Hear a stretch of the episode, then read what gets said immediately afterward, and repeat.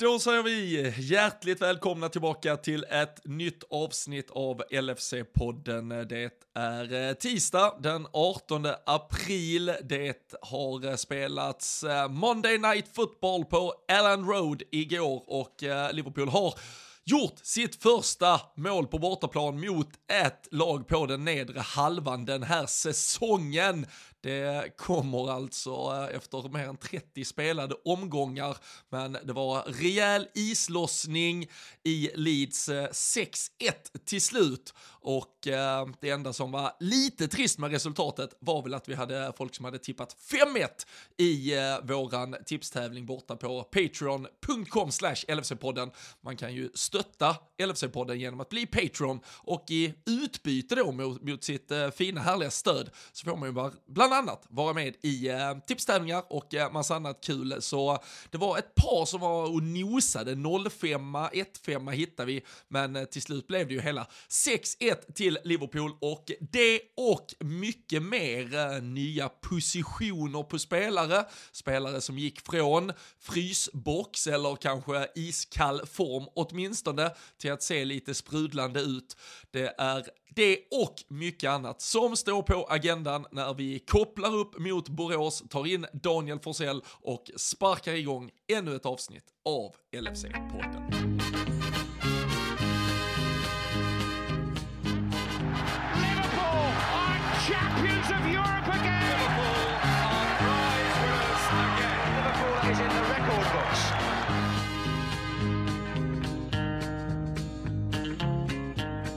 Ja men det gör vi och eh, efter att ha känt tendenser eh, sådär var varannan vecka i tre, fyra månader så eh, vet i fan Danne, men eh, här när jag tittar ut i alla fall så vågar jag lova att våren nog är kommen. Hur fan står det till i Borås?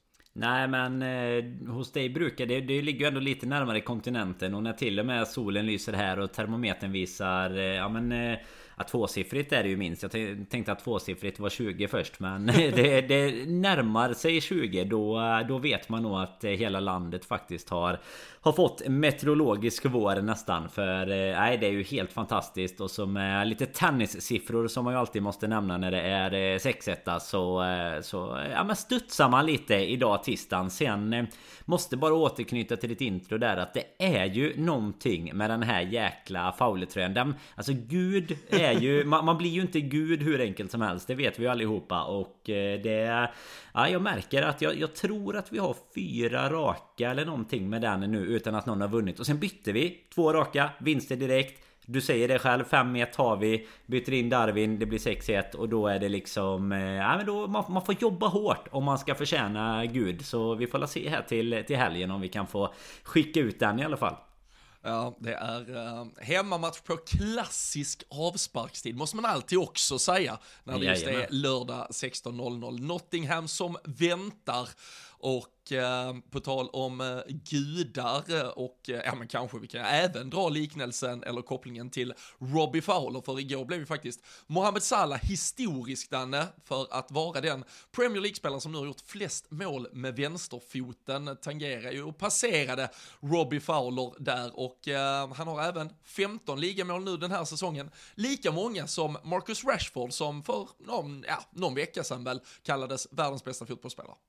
Ja och Gud också i säkert vissa led eh, i stort sett. Men nej det Vi har väl varit inne på det innan eh, just med, med Salla att eh, oavsett om vi har haft en ganska eller med våra mätt, eh, mått mätt en eh, rätt usel säsong liksom när man tittar på det över eh, alla turneringar och sådär. Och jag menar jaga för en sjunde plats i ligan och sådär. Så, så har vi ju konstanten som man aldrig blir riktigt klok på ändå. Sala som bara levererar. Och jag, jag tror att det bara var någon vecka sedan eller två som jag var inne och kikade skytteligan. Det var innan Sala tog sig upp på de 15 år. Men när man tittade och man, man kände liksom lite såhär att fan vilken lurig skytteliga det är. För att vi Alltså man har ju bara vant sig att Håland har ju sprungit iväg med den lika liksom överlägset som... Eh, ja, det, det finns ju knappt något att jämföra med i sportvärlden. Det är väl typ i Sverige innebandy eller någonting eh, suspekt eller sån ute rinkbandy. Men eh, det, det är ju liksom man, man inte ens koncentrerat sig så mycket på skytteligan just därför. Och det visar ju så att det är ju så här Ivan Tony typ bakom och Harry Kane såklart. Men och sen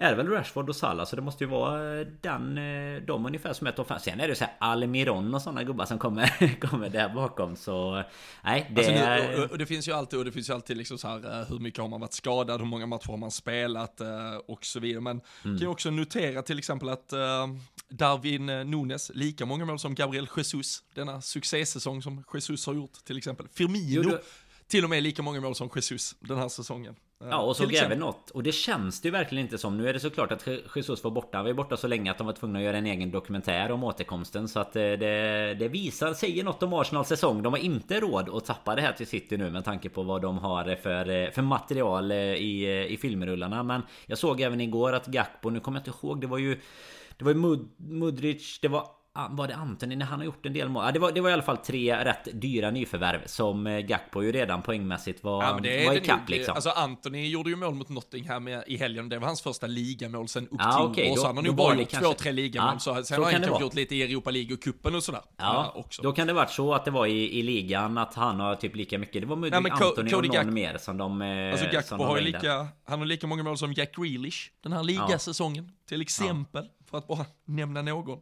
Så uh, nej, det, och som sagt, säger, alltså Haaland 32, han har ju stuckit rejält och nu, nu tror jag väl inte ens att Salah hade kommit ikapp Harry men hade det varit en normal säsong om vi liksom tar bort monstret Haaland så hade vi ju kanske haft då Harry Kane på sina 23 mål på uh, första plats och uh, visst, det hade varit åtta upp för Salah, jag tror kanske inte han orkar dit, men han kommer ju landa runt 20 och eh, kanske till och med någon över. Ifall nu det vi såg igår inte bara var ett eh, sånt där dödsryck som vi har haft. 9-0 mot Bournemouth, 7-0 mot eh, United, vad hade vi borta mot Rangers? 6-0, 7-0, 7-1? 7-0 med va? Eller 7-1 ja, kanske? Ja, men det är ju något sånt. Och, eh, och nu kommer det igen. Och jag såg, eh, det var nog till och med innan Darwin tryckte in det sista.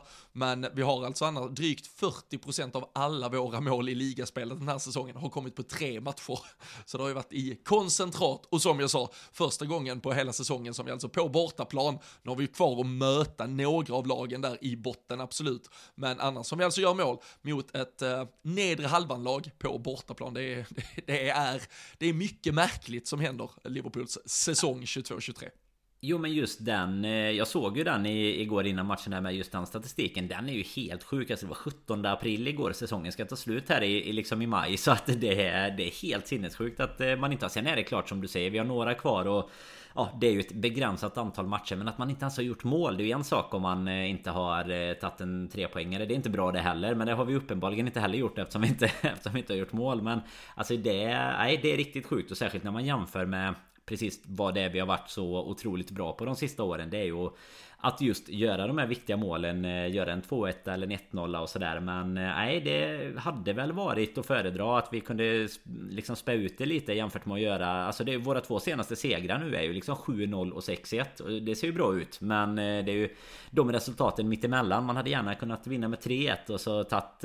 Delat ut de här, portionerat ut kanske fyra mål från United-matchen. Även om den har ändå lite... Den, den är bra att den finns där om man säger. Men men en 6-1 mot Leeds kunde ju lika gärna varit 1-2 och så kunde vi ha 2-1 på Bournemouth och lite sånt. Men eh, nej, det är inte så den här säsongen fungerar riktigt. Utan eh, höga toppar och djupa dalar eller vad man säger har väl aldrig varit mer eh, liksom signifikativt för ett lag eh, någon säsong nästan känns det som. Nej, och vi får väl se då om det blir, eh, jag vet inte ens om det är tredje, det är snarare kanske fjärde eller femte gången gilt som eh, Liverpool eventuellt visar att de har reagerat, studsat och gör då en sån här prestation och sen lyckas följa upp den Mm. Uh, några gånger har det ju varit uh, ett steg fram, två steg tillbaka i form av att det har kommit ja, men alltifrån uh, skador till uh, formdippar och allt möjligt. Och nu, nu känns det väl ändå, och det får ju vara ta i trä och peppar peppar och allt möjligt, som att Liverpool är på ett så bra ställe som man nu kan vara på. Det är väl så, ja, det är väl för sent och liksom, ja, det är så, så god tid nu att liksom komma med full trupp och, och vind i segern när det kanske inte finns något kvar att spela för, men det kan ju åtminstone bli en uh, positiv avslutning och någonting man tar med sig in i sommaren. För uh, vi hade ju en Luis Diaz tillbaka i matchtruppen till slut in och vi fick ju till slut islossning också på Diogo Jota framförallt. där var ju min spåkula lika svag som Patreon-kompisarnas när de tippar på Robbie Fowler-tröjan, men jag tyckte ju det var uh, mot Arsenal fel att uh, starta både Curtis Jones och uh, Diogo Jota. Tycker inte riktigt de har förtjänat den tröjan. Uh, den gången så fick jag väl, ja, jag vet inte, men delvis rätt. Det var ett Liverpool-lag som blev bättre den halvtimmen Curtis Jones inte spelade. Uh, nu tyckte jag väl det var då extra märkligt och anmärkningsvärt att de fortsatt fick förtroende när Thiago hade ytterligare en träningsvecka i benen och eh, Darwin Nunes börjar man ju bli lite sådär osäker. Är det liksom ett val av Klopp att han inte tycker Nunes går före Jota? Eller är han inte hundraprocentig om man känner lite den här våren som vaskad och att man inte ska stressa på någonting för jag var ju inte ensam på förhand, och sen kan vi komma till vad de presterade, att tycka att det var lite märkligt med några av valen han gjorde. Nej men alltså grejen är väl att jag håller med om det för jag tycker det blir lite speciellt. Alltså nu, nu har det ju varit lite som vi pratade om efter förra matchen Att det är lite diskussioner i sociala medier även om det liksom är på en på en, på en hygglig nivå kring eh, att folk blir negativa när startelvor och sådär kommer så, så tycker jag väl att så här, Alltså grejen är ju inte att Det är inte för att man ogillar personen eller spelaren i sig som man blir negativ Som till exempel ditt där med, med Jota och Jones. Eh, Vad jag känner i alla fall från min egen, mitt eget perspektiv att du, du blir liksom inte negativ för att det är just de som startar Utan det handlar ju om att man inte tycker att de har spelat tillräckligt bra för att förtjäna det Och att vi faktiskt för en gångs skull nu då har alternativ på bänken som man Tycker att man har sett mer utav i alla fall. Jag menar Diaz eh, fattar jag att han kanske inte att han inte är redo för start Men jag tyckte ju att, den, att det var märkligt att en Darwin Nunez var på, på bänken och du hade Både, alltså egentligen främst kanske Jota men alltså jag kan till och med känna att, ja men skicka ut Gakpo på kanten eller, Alltså du vet någonting sånt men, men eh, ja nu, nu fick Klopp mer rätt där men jag menar det är ju också lätt att säga efteråt att ja men jag sa ju att det var bra att han startade Jo Visserligen nu i efterhand ja, det men det ju, kunde alltså de... ju lika väl varit precis lika illa liksom som som man kanske har tyckt innan. Sen är ju och där är det ju alltid, ja. där, där är det alltid, förlåt, men där är det ju alltid så också det funkar på, på sociala medier. Alltså om man, om man kritiserar någon innan och de, är, eh, och de sen är ganska svaga. Som, om vi bara tar fallet Curtis Jones, och vi ska komma till att hylla hans insatser. Ja, du har ju bara fått kasta men, din Excel-fil nu efter gårdagen, så det, det är bara att hylla honom. Men där då, om man är negativ innan och det sen äh, går väldigt dåligt, då är det ju ofta, då kommer ju folk så, ja men du hade ju inte behövt säga det redan innan liksom, alltså du mm. behöver ju inte vara negativ på förhand, äh, men man, så man får inte räkna hem det om man Nej. någonstans har rätt i att det var fel. Sen om man nu visar sig att han var bra, då är det liksom, ja men kolla du ser hur jävla bra han är, det var inte lönt att vara negativ. Alltså, nej, man kan ju nej, aldrig det, vinna den diskussionen. Liksom. Nej men det är exakt det jag menar, jag tror även att jag sa det i vårat eh, avsnitt förra veckan, att jag menar sociala medier är ju helt byggt för att du ska vara reaktiv. Alltså du kan vara skitförbannad på Salah för att han missade ett friläge. Och men är, det, är det wait and folk... see så behöver ja. vi ju inte ha Twitter, då kan ju alla bara skriva exakt. en säsongskrönika sen. Och så kan vi ja, summera då man... istället. Exakt, då får man skriva vad man tycker. Alla får skriva när det har gått 90 minuter vad man tyckte om matchen. För jag menar grejen, hela, hela den... Alltså det, det är ju så att du kan ju... Du kan tycka bara, men hur kan du missa öppet mål i det läget? Och innan folk ens hunnit läsa det så har han satt en i, i krysset liksom två minuter senare. Och det är fortfarande rätt att tycka att det var dåligt att missa det öppna målet. Hur många mål du än gör sen. Jag menar det är lite samma som igår. Att jag tycker alltså det är inte jättemycket negativt man kan säga så sett efter, efter 6-1 Men jag menar första halvlek är ju absolut ingen Även om vi har en bra resultat eh, med oss in i, i halvlek Så är det ju ingen bra halvlek på, på det sättet Om man jämför med den andra tycker inte jag Så att eh, det, det är också så lätt att säga efteråt att nu Lossnade allt för Liverpool och det såg så bra ut Men det har ju funnits matcher Det liksom tenderar till att se bättre ut i spelet tycker jag eh, Än vad det gjorde kanske i vissa fall Jag menar ett lead som ligger under då med, med tre baljer Alltså 4-1 Då känner väl de också att de, de är inte i rätt state of mind riktigt till att jaga ikapp det. Och jag menar de hade med sig 1-5 från Crystal Palace också och sådär. Så att eh, nej det, det är vissa grejer tycker jag som man bara måste få man måste ju få reagera på en startelva oavsett om man... Alltså jag tror att alla, eller i alla fall de absolut flesta är klart att alla hoppas ju att vi vinner och alla vill stötta spelare och sådär Men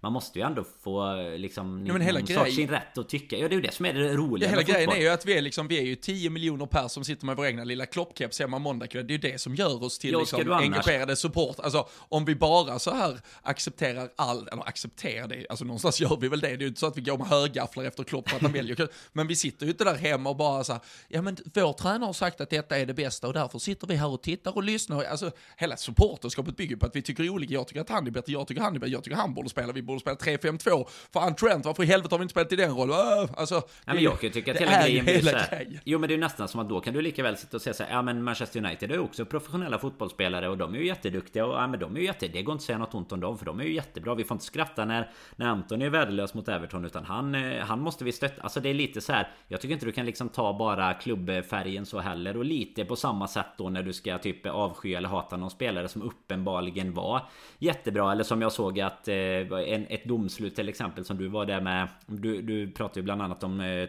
igår där på Twitter när Ja men alltså att det, att det kanske borde varit hans eh, Det som ledde fram till eh, Till första målet är det väl. Och jag menar det, det är ju samma sak där egentligen att Liksom, du, du måste ju, då måste du nästan sätta dig i den andra synvinkeln. Okej, hade du tyckt att det var hans om det hade hänt emot dig? Ja, många gånger. Alltså, jag tror att många tyckte så här igår att nej, men det kanske inte är hans för han skjuter ju upp den på armen.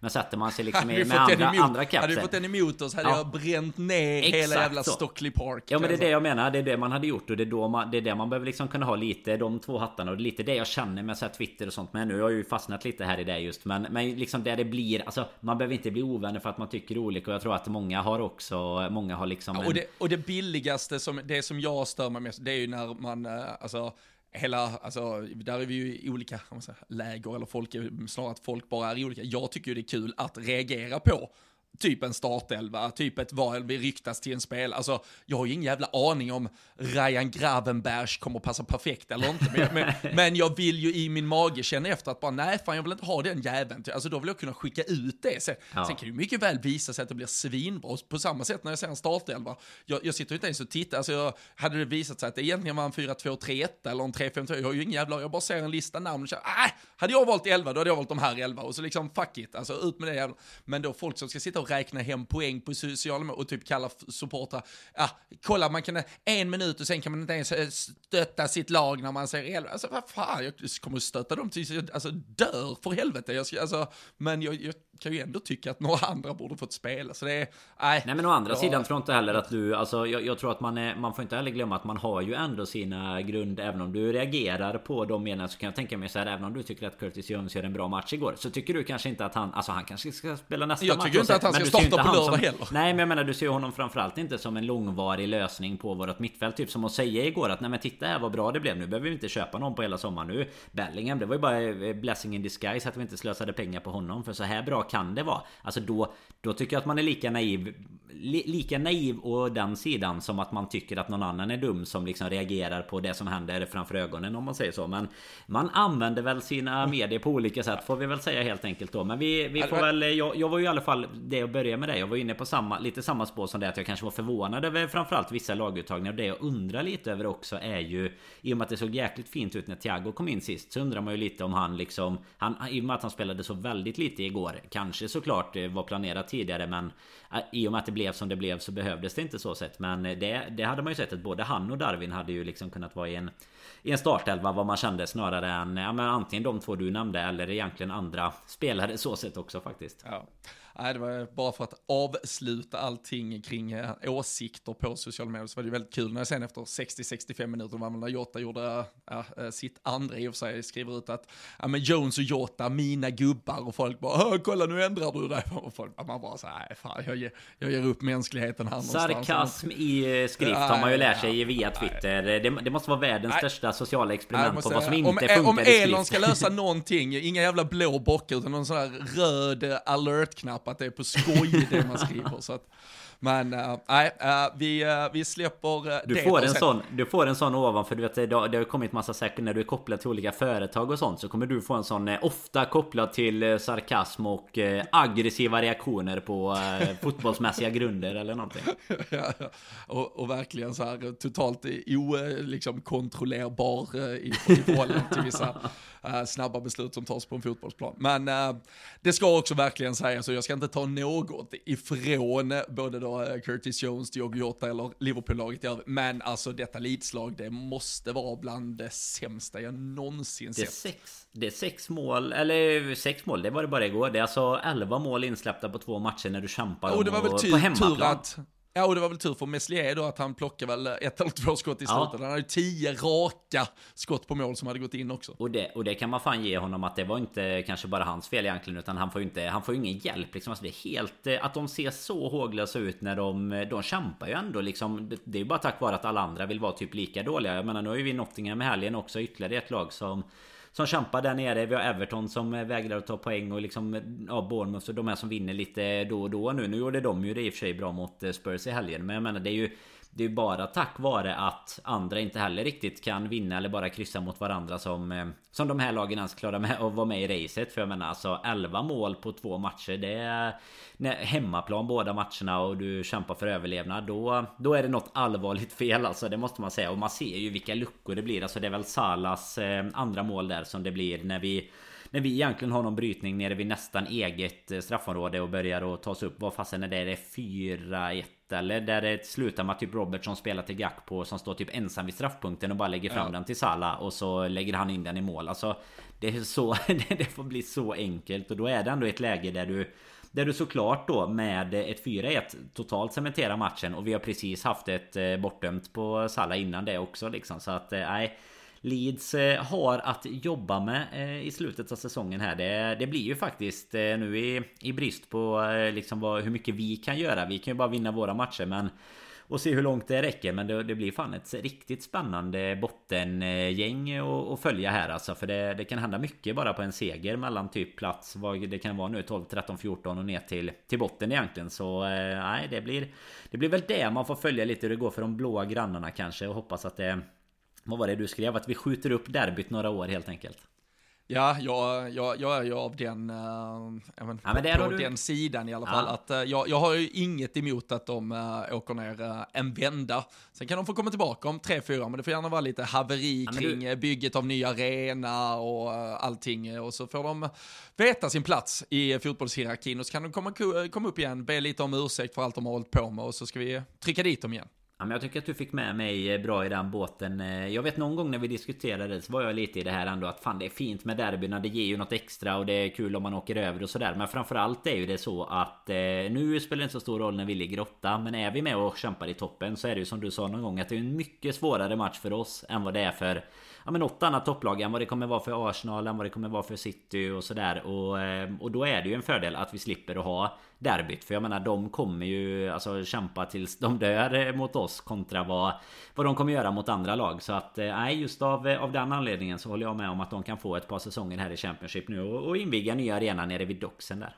Ja men alltså för vår del tittar man bara snabbt på, alltså nu den här säsongen och vi, vi pratar om hur dåliga vi har varit på bortaplan mot alla lag på nedre halvan så det är ju inte så att vi behöver, uh, egentligen så hade ju alla lag som åker ur just nu känt som uh, annars då tuffa lag för oss men tittar man bara snabbt på det och minns tillbaka nu, alltså kan det vara Southampton, Leicester och Everton som åker ut? Det har ju varit bortamatcher för oss mm. som, som faktiskt har varit ganska tuffa.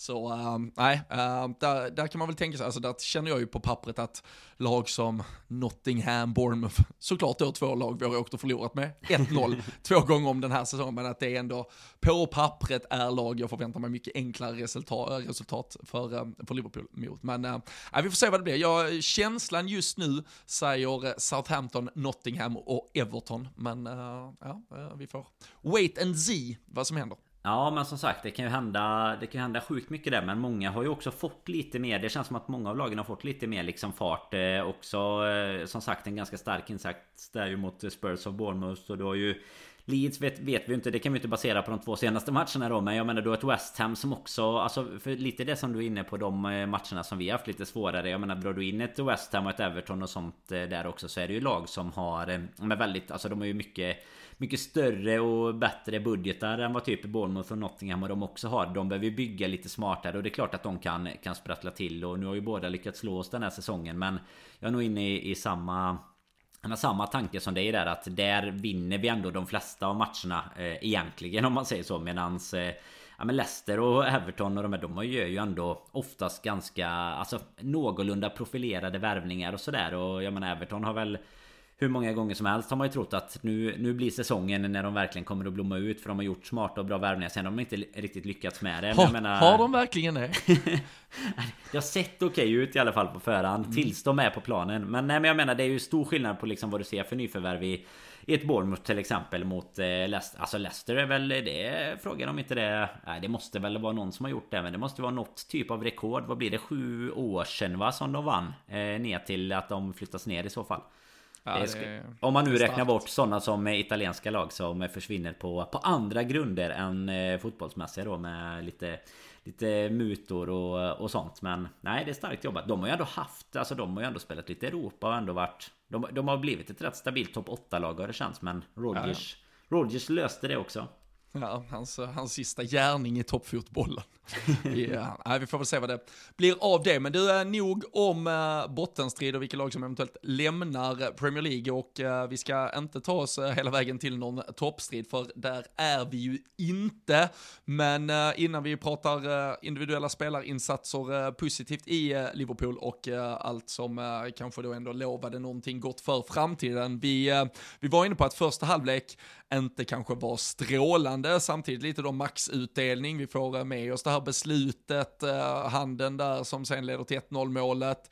Uh, ja, Salah dunkar ju dit en lite från ingenstans och det var väl faktiskt Jota, han spelar ju verkligen upp sig framförallt med två mål sen i andra halvlek, men uh, han satte nog tio passningar fel i första halvlek innan mm. han till slut satte en rätt till Salah och där, där är ju Salah nästan som bäst när han inte behöver tänka till utan bara vänder sig om och drämmer dit den. Men uh, när vi då har fått 2-0, typ helt gratis, då går vi in i uh, andra halvlek och är på väg att uh, ge bort matchen igen. Jag tror det var åttonde eller nionde gången den här säsongen som vi släpper in mål, alltså inom de första fem minuterna av en halvlek. Det kan alltså vara av matchen i första halvlek helt enkelt. Men även då i början av andra halvlek har vi varit extremt svaga och det är ju återigen från ingenstans så lyckas vi bjuda in ett lag i matchen och det är väl bara egentligen då att eh, tacka för det vi har diskuterat, att Leeds är så pass grunddåliga sen. De har ju till och med det här skottet i klykan, men eh, lyckas ju inte riktigt komma upp i någonting. Men eh, vi ger bort mål till höger och vänster. Ja, och det tar väl i detta fallet tar det väl inte mer än kanske fem minuter eller något innan Jota får göra sitt första och då, då känner man ju sig lite trygg igen. Men alltså just att Alltså det blir ju ändå som du säger psykologiskt att gå in med 2-0 i, i halvtid och vi gör ju ändå två relativt sena mål. Det är ju ändå under sista 10 typ och så Att då komma ut och jag menar nu, nu är ju Konate ju jättebra i övrigt i den här matchen, inga problem. Men alltså att det bara du vet, halka till och inte riktigt ta med sig bollen. Det känns det är så jäkla typiskt för den här säsongen och så det vi har sett så många gånger att vi verkligen bara ger bort mål egentligen och här är, där är ju risken såklart att eh, jag menar, man märker ju direkt att publiken och arenan tände ju till efter det och det, de var ju inte igång innan ja, i början, precis i början där av andra halvlek. Det tar väl inte mer än någon minut i och för sig innan detta händer. Men jag menar det är klart att Leeds får ju ny energi, de vill jaga, de blir hungriga liksom. Det är riktigt onödigt. Nu löser det sig jättebra i, i detta fallet ändå. Men det är, eh, det är konstigt att man kan komma ut, jag menar för när du, när du verkligen kommer ut med ledning så också som inte var oförtjänt kanske men ändå som var, den var liksom Den satt hårt inne att vi skulle ha 2-0 med oss. Då, då, är det ju så konstigt att vi Att vi är så nära på att slarva och jag menar många gånger har det ju istället stått kanske 0-0 eller ja, framförallt i början av matchen som du nämner där vi har släppt in tidiga mål. Att man, att vi kommer ut liksom som men det, det, det, är som att det inte är påkopplat riktigt liksom. Man behöver, det är så här offer-switchen har man inte ändrat till on när man gick ut i andra halvlek riktigt. Och det är ju ett sånt här, jag menar det här, nu kostar det ju ingenting i det här fallet. Men alltså det kan ju kosta hur mycket som helst. Och har ju gjort det i så många matcher eh, den här säsongen. Så att det hade varit eh, det är nu när du När du kastar Jones Excel nu i och med att han fick 5 plus i, igår då så kan du Kan du börja med en istället och se en alternativ tabell där vi tar bort alla de här målen som vi slarvar. Alltså Leeds var ju sist också. Det var väl var det Leeds som Gomes spelade hem? Gomes till, hem till Alisson, Alisson ja. Och det blev ja. kaos liksom. Och, och, det var också efter typ fyra minuter. Så det var lite Absolut. liknande som eh, Fast i första halvlek då. Men eh, nej det det får ju inte hända på den här nivån eh, tyvärr eh, för Konate som sagt eh, i övrigt var den bästa back den här säsongen i, i stort sett. Så att nej det gäller att jobba bort det. Om vi nu kan avsluta säsongen positivt liksom framåt och sådär också så gäller det verkligen att ta bort de här individuella misstagen. För det, det kommer ju ofta en sån klassisk statistik också. Du vet individual errors leading to goal typ. Och den nu har jag inte den siffran men jag blir förvånad om det är något lag som som har mer av den typen än oss den här säsongen där det verkligen är så här Där det egentligen inte är en situation Men vi tappar bollen eh, för att man typ ramlar till lite och så, och så är det mål i baken istället.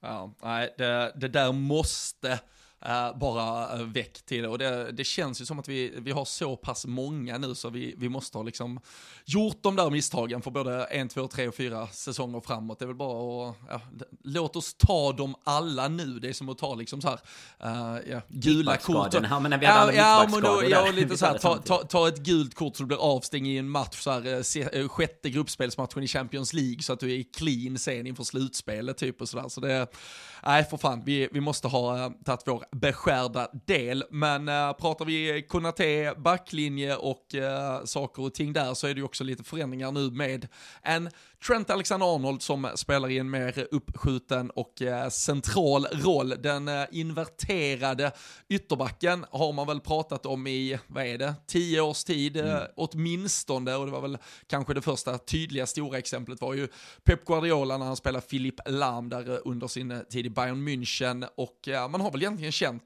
att av alla dessa jävlar som omskolas och ett City nu med John Stones och Netanyahu och alla möjliga som figurerar i den rollen, Sinchenko såklart väldigt tydligt i Arsenal, så, så är det ju egentligen Trent som, som man alltid har känt borde ha bäst grundegenskaper. Jag satt i, uh, vi har ju Tutto Live Weekend på, på lördagar, uh, jag och Thomas Wilbach och Kristoffer Svanemar uh, tillsammans. Och då satt vi och pratade om att uh, Pep Guardiola här för några veckor sedan vill, ja men han, han har ju inte riktigt plats till Kyle Walker, han gjorde ju sig av med Joao Cancelo, han gör ju lite vad han vill med sina jävla backar. Och så pratar vi, ja men Trent han funkar inte i Liverpool, jada jada jada, den här ja, men, eller det narrativ som så många, både framförallt utomstående supportrar, men man har ju även hört i Liverpool-kretsar mm. på senare tid. Liksom. Framförallt men han funkar. Ja, och där, har man, där, där, kände jag bara, eller det jag sa där bara, alltså, tro mig, hade, hade Pep fått Trent, alltså för grund, alltså kvaliteterna som fotbollsspelare, som boll, distributör, som, eh, ja, men som offensivt hot med den fot han har och så vidare, så, så hade Pep, Pep Guardiola gjort honom till en fullständigt unik fotbollsspelare i en position han hade skräddarsytt för honom. Och eh, därför är det ju väldigt kul att se hur bra utdelning eh, Liverpool nu har fått eh, med, det var väl en första liten förändring mot Arsenal, jag tyckte det var mm, ännu absolut. tydligare här mot Leeds. Så eh, det är tre assist, tittar man på så här, ja men XG-siffror eller XGA då med assist, ja, möjligheter och så vidare, genomskärare, bolltouch, att han minskar de felbeslut och liksom bolltapp som tidigare har varit och så vidare, så är det ju, ja men det är ju en helt ny spelare och och eh, man har ju bara väntat på, på den här. Och det jag vill göra väldigt tydligt kring detta, för nu ser man folk då börja skriva så här, kolla vi behöver ju inte köpa en ny eh, mittfältare, vi behöver köpa en ny högerback. Nej, det är ju fortfarande så att han ska ju vara högerback. Exakt. Det är det som är hela grejen. Men han ska in i den ytan och operera. Sätter vi han som mittfältare måste vi ändå ha något jävla stolpskott som högerback som kommer att bli av med bollen. Det är ju att vi gör formationsförändringen som åtminstone än så länge med det lilla, lilla sample size vi har bådar gott för framtiden. Där hade man ju hoppats att man skulle haft den lilla spaningen på dig när du skulle sagt att han skulle spela mittfältare istället eller någonting. Men det är ju exakt eh, det som, eh, som du är inne på som är helt rätt. Och man märkte det mot Arsenal som sagt. Du märker det ännu mer tror jag tack vare också i den här matchen att du får ju... Vi har ju dels mycket mer boll och kan styra. Alltså, det, det handlar ju om att du spelar på ett sätt när du försvarar och ett sätt när du anfaller. Det gör du ju alltid. Men här blir det ju en väldigt tydlig positionsförändring för hans del. Och jag menar han har... Jag såg något igår om att han hade försökt eh, på, alltså i snitt så, så slår han typ 66 passningar eller attempts eh, för passningar eh, per 90 minuter. Och i, i första halvlek hade han slått det igår liksom. Och sen gör han det typ det dubbla i slutändan av, av matchen med då. Och jag menar du har ju det, Cancelo tycker jag är ett eh, praktexempel på de som har tittat på Premier League senaste åren. Han har ju haft precis den typen av position. Och jag vet att jag var inne på det för några... Det var väl då när han gick till Bayern precis. Att vi, vi kan ju flytta upp Trent då och så ta in Cancelo. Det är ju, hade ju funkat med den logiken om det hade varit så att han hade spelat mittfält. Men nu gör han ju faktiskt inte det precis som du är inne på. Utan han ska ju vara våran högerback. Man spelar så här i offensiven. Och när, alltså det sista assisten till Darwin det är ju Det är ju typexemplet på varför eh, Ja men det som du hade pratat om det här i, i Tutto också Varför det är den perfekta positionen för honom. För att jag menar du får använda dina fötter. Jag menar han har använt sina inläggsfötter jättemycket från kanten innan också. Men att du, du får liksom det här Kevin De Bruyne kreativiteten från centrala mittfältet också. Och du behöver inte heller då om man ska ge en ytterligare positiv eh, egenskap. Nu gör de i och för sig lite assist i, igår våra innermittfältare. Vi, vi klagade ju lite på deras poängskörd tidigare här. Men du slipper ju, eller du avlastar ju liksom deras krav till att vara kreativa med fötterna. Utan de kan istället komma ut till viss del i ytterpositioner. Som typ Henderson gör när han slår in den till Jota. Är det 5 mm. eller är det väl han gör assist? Och och jag menar då, då kommer det de positionerna istället. Och det som är fördelen just nu Det som blir lite spännande att se det är ju att eh, Just nu är det ju något nytt när du tittar på Liverpool. Alltså det blir ju det, det blir ju spännande att se om jo, de kommer det... spela så här framåt. Att liksom kommer lagen kunna anpassa sig efter det? För jag menar nu som du märkte på Leeds Med all respekt då för kanske att det var ett Leeds som redan är Är det de är försvarsmässigt. Men jag menar de hade ju extrema problem med att förstå vad det var som hände egentligen Ja, och bara det är ju något vi har suttit här och, och, saknat eh, under perioder när man har känt att det gått som värst. Alltså i, i januari när vi hade eh, någon streak på 4-5 matcher som var totalt eh, katastrofala och det, det, ja, det, det, har ju som sagt varit ett par sorger och bedrövelser den här säsongen där man bara känt, men, men skaka om det då. Alltså vi, vi pratade om det efter Chelsea borta när man bara bytte spelare, men då satte in spelare som vi väl, de flesta av oss tror jag kan enas om liksom inte är bra nog, men ändå spela typ samma spel och det gick bara slöare och var tråkigare och värre. Det är ju sånt här du snarare kommer bedömas på som tränare i slutändan om du kanske mm. kan skaka liv i någonting. Kan vi uppfinna det där jävla hjulet igen? Kan vi hitta på något annat? Vad kan vi göra? Kan vi bli Klopp 2.0 av det här Liverpool-laget och då kommer det ju krävas taktiska förändringar. Du kan ju inte bara räkna med att det som var vägvinnande för 3, 4, 5 år sedan kommer bli det igen, antingen för att samma spelare bara plötsligt är tillbaka i toppform eller att du kan ersätta spelare like for like och bara få in en spelare som gör exakt det som Gino Wijnaldum eller Sadio Mané eller någon annan gjorde i en tidigare upplaga av Liverpool och få resultat. Nu gäller det ju för Klopp att med det han har och med det han ska tillskansa sig i sommar skapa något nytt och, och där är ju detta, känns det ju som en, en vital del för det jag också tycker det är ju att det lämnar, och sen återigen, vi måste brasklappa hur usla Leeds är, för jag tror det, det, det, gör det väldigt lätt för Trent att lite också excellera i den rollen. Men det var ju, det var ju en match där, ja men Konate som i övrigt i försvarsspel kommer upp väldigt mycket, stötbryter det han gör bäst, liksom när han vinner boll utanför, om vi säger ja, men, den offensiva delen av eh, mittcirkeln i stort sett där han kliver på. Vi har Fabinho och Henderson som återerövrar ganska mycket boll och så kan Trent stå ganska bekvämt och ja, men lite diktera speltempo, sätta in den lite längre när han vill, sätta krossen, byta kant. Alltså, han fick ganska eh, ja, det, var, det var lite räkmacka det han spelade, framförallt i andra halvlek när man kände att luften gick ur Leeds, men det är ju ändå tendenser som båda gott och tittar man nu på ja, men sista halvtimmen mot Arsenal och den här 90 minuten mot Leeds, då har han ju tre assist där den ena kommer från att han mot Arsenal liksom kommer löpande yttre korridor så att säga, tar sig runt Sinchenko och hittar in med ett inlägg.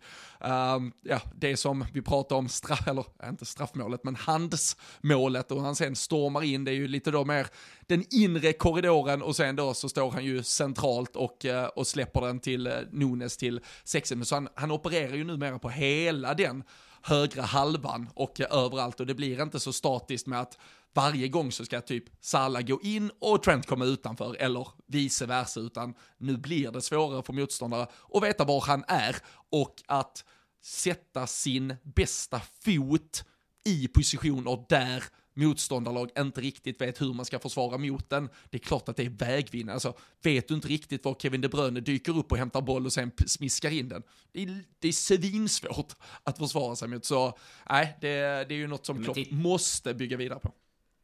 Titta på eh, sista assisten där. Som sagt, det står redan 5-1 och, och de kanske inte jobbar riktigt på samma. Men jag menar den, den bollen han slår bara liksom med den... Eh, alltså med den känslan som Dan Darwin får ta med sig. Den slår ju inte jag, menar, alltså jag vet inte om det om du har eh, tre fötter till i hela våran trupp som slår den bollen liksom. Så att det, det är ju en riktig... Ja, det är väl Ox, det, det, Oxlade, Oxlade, Milner. Oxlade höger, vänster och...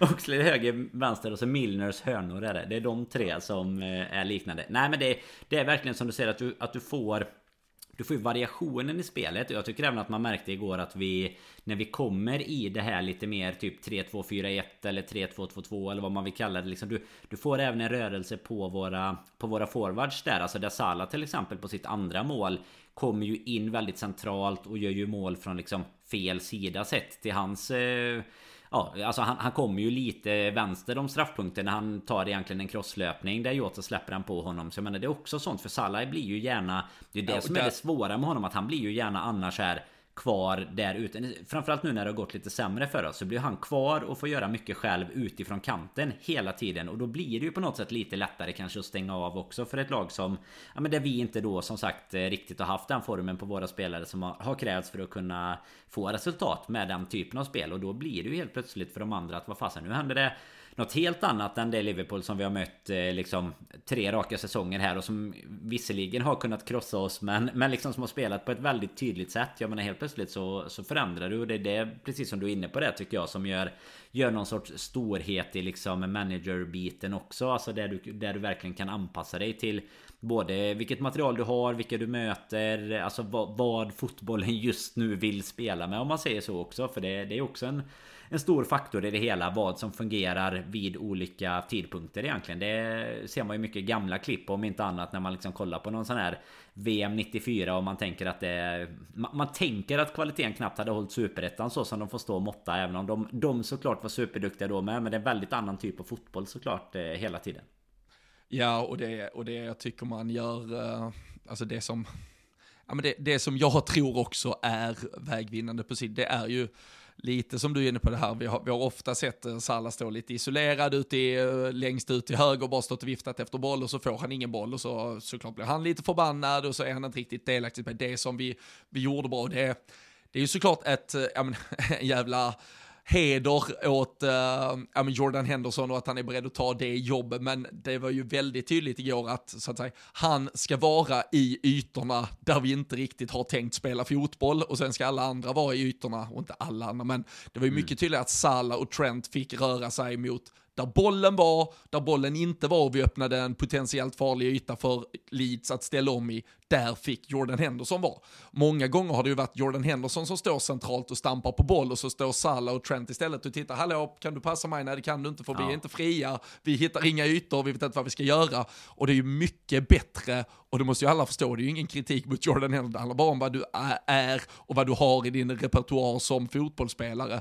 Och Jordan Henderson har en kapacitet, en arbetskapacitet, lungor när han åtminstone är på humöret och liksom en arbetsinsats med sig alltid. Så låt han fylla den funktionen, men se för guds skull till att det är Trent Alexander-Arnold som har mest boll vid sina fötter. Se för guds skull till att det är Mohamed Salah som kommer löpande både till höger och centralt istället för att han står isolerad på kanten och så får väl Jordan Henderson stå där och täcka den ytan i så fall. Och det, det var tydliga tendenser igår och eh, det är kanske bra att vi gör det mot ett så här, om man säger, dåligt lag som Leeds, bara för att se att ja, men det funkar, det är i alla fall det här mm. vi menar. Sen kommer vi möta andra lag som kommer göra det mycket svårare för oss att göra samma sak. Men jag tror ändå spelarna, om det här var saker man hade pratat om i veckan, så tror jag de ganska gött kan sitta idag innan träningen och titta på den här man säger, titta här, här får vi ju till det så. Henderson går ut här, ni fyller på där, Trent du hittar din yta där, och så, ja, man, man såg nog och fick utdelning på det man ville se. Ja och sen eh, tycker jag också att det man, eh, man upplevde igår framförallt i och för sig i andra halvlek när vi redan då har ett, eh, alltså ett, ett målmässigt övertag också som såklart gör det roligare att spela fotboll. Men det är ju även, även vårat pressspel Jag vet inte om du har sett det klippet när när Klopp sitter och bara Oh my god, oh my god När, när vi pressar Det måste vi vara i Det är ju typ i slutet precis ja, men är, det den, vi... är det när Nunes vinner bollen i 92 typ? Ja, när han, när typ glider När de först är tre spelare och sen kommer Nunes också liksom Exakt, de står och bara gräver bollen typ på någon lidspelare och Klopp bara ramlar ner typ i... Alltså du vet såhär man bara... Man, man det, bara det sa han, det, det sa han ju bra. såklart väldigt då Jürgen Kloppskt poserande var det bästa med hela matchen. Ja, det... Det, det, ja, Vet det är väldigt, väldigt Jürgen Klopp. Ja exakt, det var det de pratade om i, i studion såg jag att det var just det att så här, oh, är det något speciellt med en tränare? Att det är de sakerna som de gillar. Men det är exakt som du säger, det är, det är lite mer poserande än vad det är eh, något annat. Det, det fanns bättre saker tycker jag att ta med sig i matchen. Men man ska inte heller förglömma att det är ju exakt det som vi byggde våran framgång på när Klopp kom egentligen. Det var ju var ju hård press och så vidare. Sen går det också att jämföra vad vi var för typ av lag då kontra nu. Jag menar nu sitter vi ju med extremt mycket boll och då är det inte så jäkla lätt att pressa på samma sätt heller. Men det är ju mycket det som eh, liksom våran Ja men våran fronttrio som snart bara är Salah kvar av har byggt sin framgång väldigt mycket på. Det var ju den eh, höga pressen och, och som framförallt Firmino dikterade hela tiden. Och att vi då har, alltså nu som du var inne på lite i början, att vi då har en trupp nu, just nu i alla fall då oavsett vad man säger om vilken startelva det var eller inte. Men att vi har en Darwin, att vi har en Firmino, att vi har Diaz på väg tillbaka på allvar nu som kommer in och en Thiago som vi ju aldrig vet riktigt vart vi har. Men som i alla fall i, i liksom talande stund förhoppningsvis fortfarande är frisk och redo för att spela. Så han lever finns, i alla fall. Ja, han lever i alla fall. Det är vi nöjda med. Men det finns ju liksom... Det finns ju mycket, även om vi inte har jättemycket kvar att spela för. Så finns det fan mycket att bygga inför nästa säsong. Nu, nu greppar man kanske olika så halmstrån för att man ska orka och, och verkligen rycka upp sig rejält. Det, men... nu, nu, ska jag inte, nu, liksom, jag ska inte strö någon, eller så här, komma med någon small kind, någon glädjebägare och sådär. Sen finns det ju den lilla lilla, lilla farliga tendensen att några spelare nu sprattlar till och är bra sista månaden, mm. när de har varit piss i tio månader, och så känner man inför sommaren att ja men är det inte dags att ge Curtis Jones chansen ändå alltså? När man har suttit och svurit hela säsongen. Det, ja men det, så det, hårfin gräns där kring att man såklart vill att alla bara ska ösa på sista månaden. Men eh, det, det, finns ju ett gäng spelare jag gärna hade sett. De behöver inte sprattla till alls, inte ens en dödsryckning. Jag vill att det ska vara klart och tydligt vart deras fotbollsframtid är i sommar och att det inte är i eh, Liverpool. Men eh, vi, vi, får väl vi får se vad det blir av det. Vi vill såklart få ut så bra resultat som möjligt och vi såg en Firmino, på tal om spelare som kanske då ändå lämnar oss i sommar, komma in och ja, fick till någon klack i alla fall som vanligt. Mm. Alltid lite roligare när eh, Bobby spelar fotboll. Och eh, Diogo Jota då som jag har nämnt, han fick ju äntligen göra mål efter, ja det var väl ganska exakt ett år. Mm. Och eh, kom ju såklart också en statistik att eh, däremot så hade han eh, sedan eh, det där året som har gått utan mål, den spelaren i laget som hade flest assist, 12 stycken, eller ja, Only Sala har fler, han hade 16 stycken, såklart.